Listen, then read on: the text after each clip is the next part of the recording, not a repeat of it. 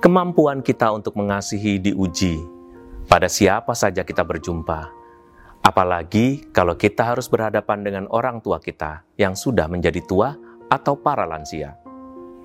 Ibu Reta akan menjelaskan kepada kita bagaimana suatu komunikasi kasih kepada para lansia, terutama orang tua kita, harus menjadi kebiasaan dan harus menambah kemampuan kita untuk mengasihi. Tidak ada sesuatu pun yang lebih besar daripada kasih dari keluarga sendiri, sehingga meneguhkan, menggembirakan, menguatkan, dan bahkan membawa rasa nyaman. Mari kita dengarkan inspirasi dari Ibu Reta. Bapak, Ibu, Saudara-saudari yang terkasih, bagaimana kabar Anda? Semoga Anda semua berada dalam kondisi sehat dan aman. Perkenalkan nama saya Reta Aryadi dari Universitas Katolik Indonesia Atmajaya. Pada kesempatan ini, saya ingin mengajak Anda berbincang-bincang mengenai cara meningkatkan relasi positif dengan orang tua Anda atau anggota keluarga Anda lainnya yang sudah berusia lanjut atau lansia di rumah, khususnya selama masa pandemi COVID-19 ini. Cara yang saya maksud akan saya sebut sebagai komunikasi kasih menyadur konsep yang sudah diperkenalkan sebelumnya oleh Ibu Evi Sukmaningrum pada video mengenai komunikasi kasih antara orang tua dengan anak.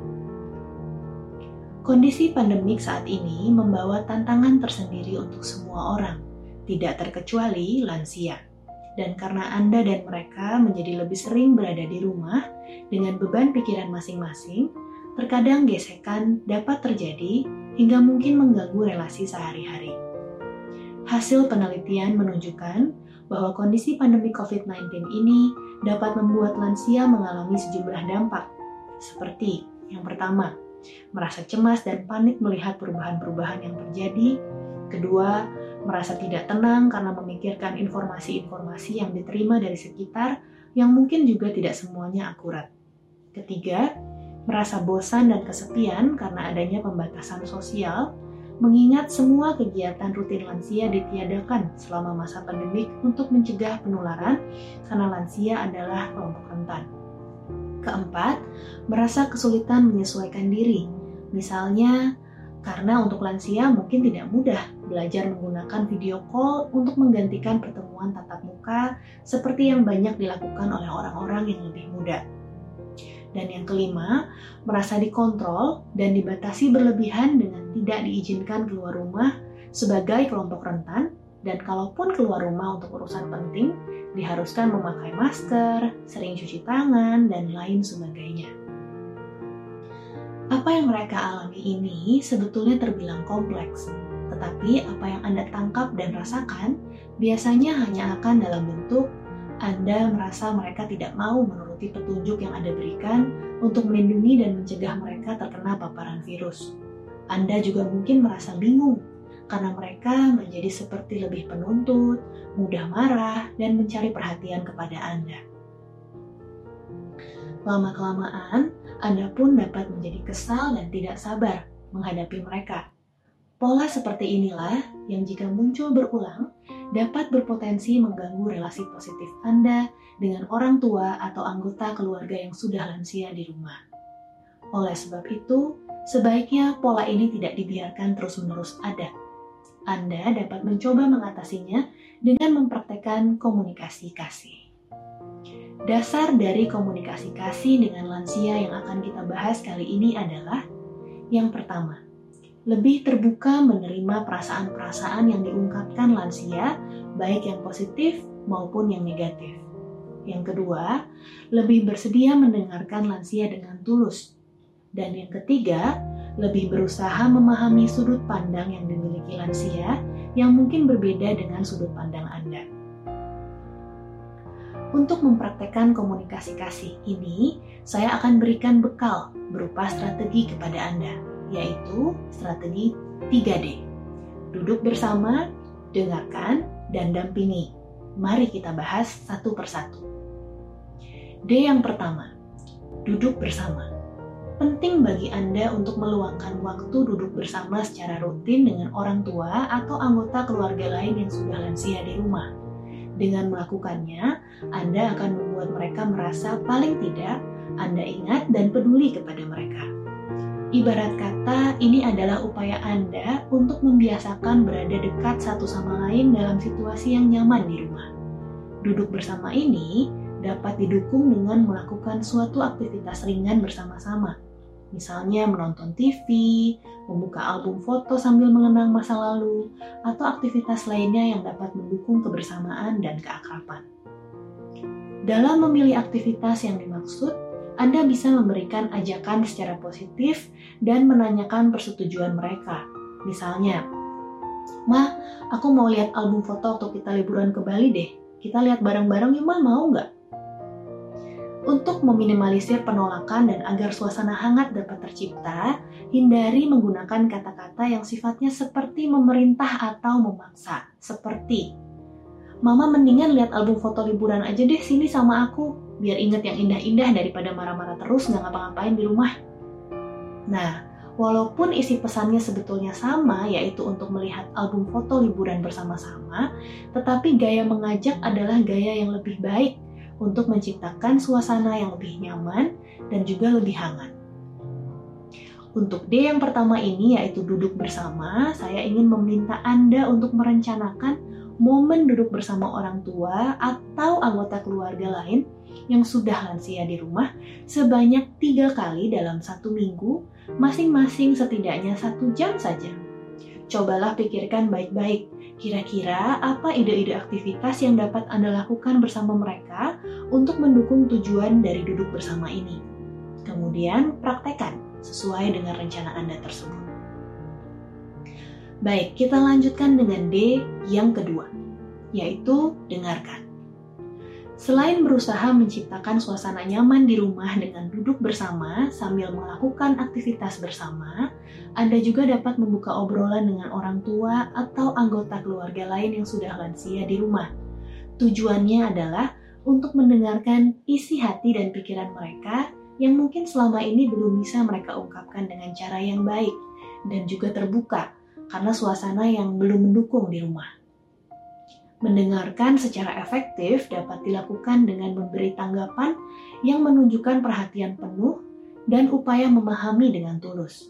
Misalnya, dengan tidak memegang HP di tangan, tidak memotong ucapan mereka, menjaga kontak mata selama percakapan, dan memberi tanggapan-tanggapan dengan respon-respon sederhana dan positif, seperti "Oh, begitu ya, Oh ya, aku ngerti deh, mah. Pah. Dengan mendengarkan, Anda akan lebih mampu memahami sudut pandang mereka yang selama ini mungkin belum Anda pahami sepenuhnya. Misalnya, Anda bisa belajar memahami apa yang membuat mereka merasa cemas, apa yang membuat mereka merasa kesepian, dan lainnya. Fokuskan pula upaya Anda untuk memahami perasaan yang menyertai setiap cerita mereka, baik yang sifatnya positif maupun negatif. Nah, untuk D yang kedua ini yaitu dengarkan, saya ingin meminta Anda untuk menyediakan waktu 30 menit selama tiga hari berturut-turut, yaitu hari ini, besok, dan lusa selepas kegiatan utama Anda setiap harinya untuk membuka obrolan dengan bertanya kepada orang tua atau anggota keluarga lain yang sudah lansia di rumah mengenai perasaan mereka. Misalnya kepada ibu Anda, bagaimana perasaan mama hari ini? Aku mau dengar boleh, Ma? Baik, sekarang kita beralih ke D yang ketiga, yaitu dampingi. Mendampingi berarti menyertai dan menemani, bukan menggurui. Dalam hal ini, saya ingin mengajak Anda untuk melihat orang tua atau anggota keluarga lain yang sudah lansia di rumah sebagai sesama orang dewasa. Penting untuk Anda mencoba mengajak mereka berdiskusi. Hindari hanya memberitahu secara satu arah terus-menerus dengan demikian, Anda bisa mempertimbangkan pendapat mereka dan mencari tahu cara yang paling sesuai untuk mendampingi mereka. Misalnya, jika mereka merasa kesepian karena sudah lama tidak bertemu teman-teman atau saudara-saudara, Anda bisa menawarkan pilihan menggunakan video call. Jika mereka menolak karena tidak tahu caranya, Anda bisa menawarkan untuk mengajari perlahan-lahan. Semua disampaikan secara positif dalam bentuk menawarkan bantuan.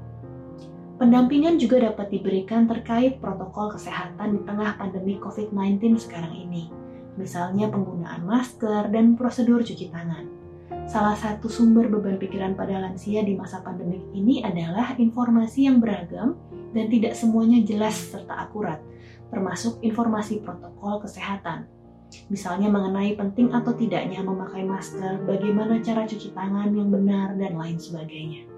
Oleh karena itu, rasanya akan baik jika Anda dapat memberikan informasi yang akurat kepada mereka dan menjelaskan dengan sabar mengenai perlunya mereka mengikuti protokol tersebut, terutama karena mereka adalah kelompok rentan.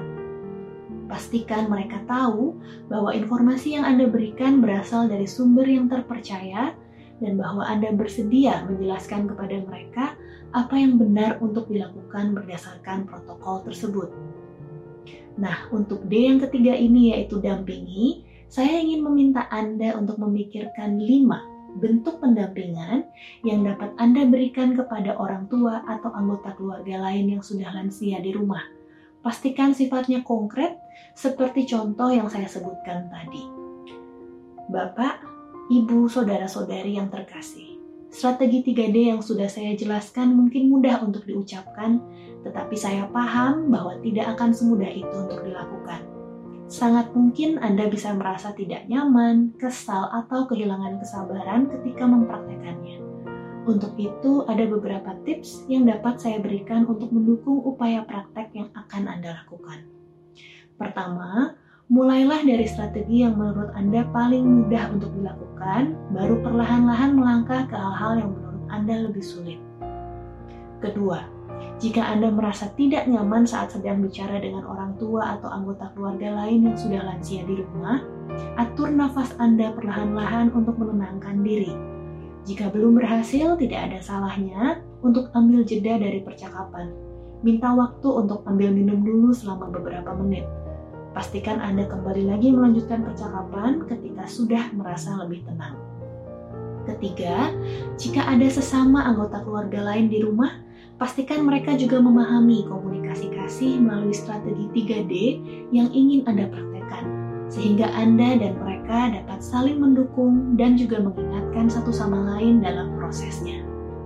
Dan yang terakhir, lakukan evaluasi setiap kali sudah mempraktekkan sesuatu, agar Anda bisa melihat apa yang sudah baik dan apa yang masih perlu ditingkatkan. Dengan demikian, Anda dapat melakukan penyesuaian-penyesuaian yang diperlukan ke depannya berdasarkan hasil evaluasi tersebut. Strategi dan tips sudah saya berikan. Sekarang saya ingin bahas sedikit apa manfaat dari melakukan komunikasi kasih dengan lansia di rumah. Melakukan komunikasi kasih lewat strategi 3D akan dapat membantu menciptakan suasana yang lebih nyaman dan terbuka di rumah antara Anda dan orang tua atau anggota keluarga lain yang sudah lansia. Sehingga Anda dan mereka dapat saling bicara dengan prasangka baik satu sama lain. Dengan demikian, ini akan bermanfaat untuk meningkatkan relasi positif antara Anda dengan mereka. Saya berharap semoga Anda dapat mencoba mempraktekannya di rumah dan merasakan manfaat positifnya. Setelahnya, Anda dapat membagikan pengalaman Anda kepada keluarga, kerabat, dan kenalan Anda agar mereka pun dapat mencoba melakukan dan mendapatkan manfaatnya. Bapak, Ibu, Saudara-saudari yang terkasih, demikianlah akhir dari materi yang dapat saya sampaikan pada kesempatan ini. Terima kasih telah menyimak dari awal hingga akhir. Sebagai penutup, izinkan saya mengakhiri dengan sebuah kutipan dari Ibu Teresa yang berbunyi, yang terpenting bukanlah seberapa banyak yang kita lakukan, tetapi seberapa besar kasih yang kita berikan saat melakukannya. Dalam Keluaran bab 20 ayat 12 dikatakan, Hormatilah ayah dan ibumu, supaya lanjut umurmu di tanah yang telah dijanjikan Tuhan kepadamu. Kemampuan mengasihi para lansia, orang tua, harus kita kembangkan dengan cara-cara seperti yang sudah diinspirasikan tadi. Saya percaya apa yang sudah disampaikan tadi akan menginspirasi kita untuk memahami para lansia, untuk memahami alam dari kedua orang tua kita, terutama mereka yang sudah menjadi lanjut usia. Dan saya percaya jika Anda dapat melakukan usaha-usaha untuk mengerti, memahami, dan mengungkapkan cinta kasih Anda, maka mereka akan jauh lebih nyaman dan bersyukur pernah mempunyai anak seperti kita. Tidak ada satu kebahagiaan yang lain dari orang tua selain merasa diterima oleh anak-anaknya, merasa dicintai, dan bahkan merasa bahwa Tuhan mengirimkan anak-anak yang baik kepada mereka, para lansia. Semoga inspirasi ini membawa kita pada kehidupan berkeluarga, terutama di saat kita selalu harus bersama di rumah. Semoga Tuhan memberkati kita. Sampai jumpa dalam program yang lain.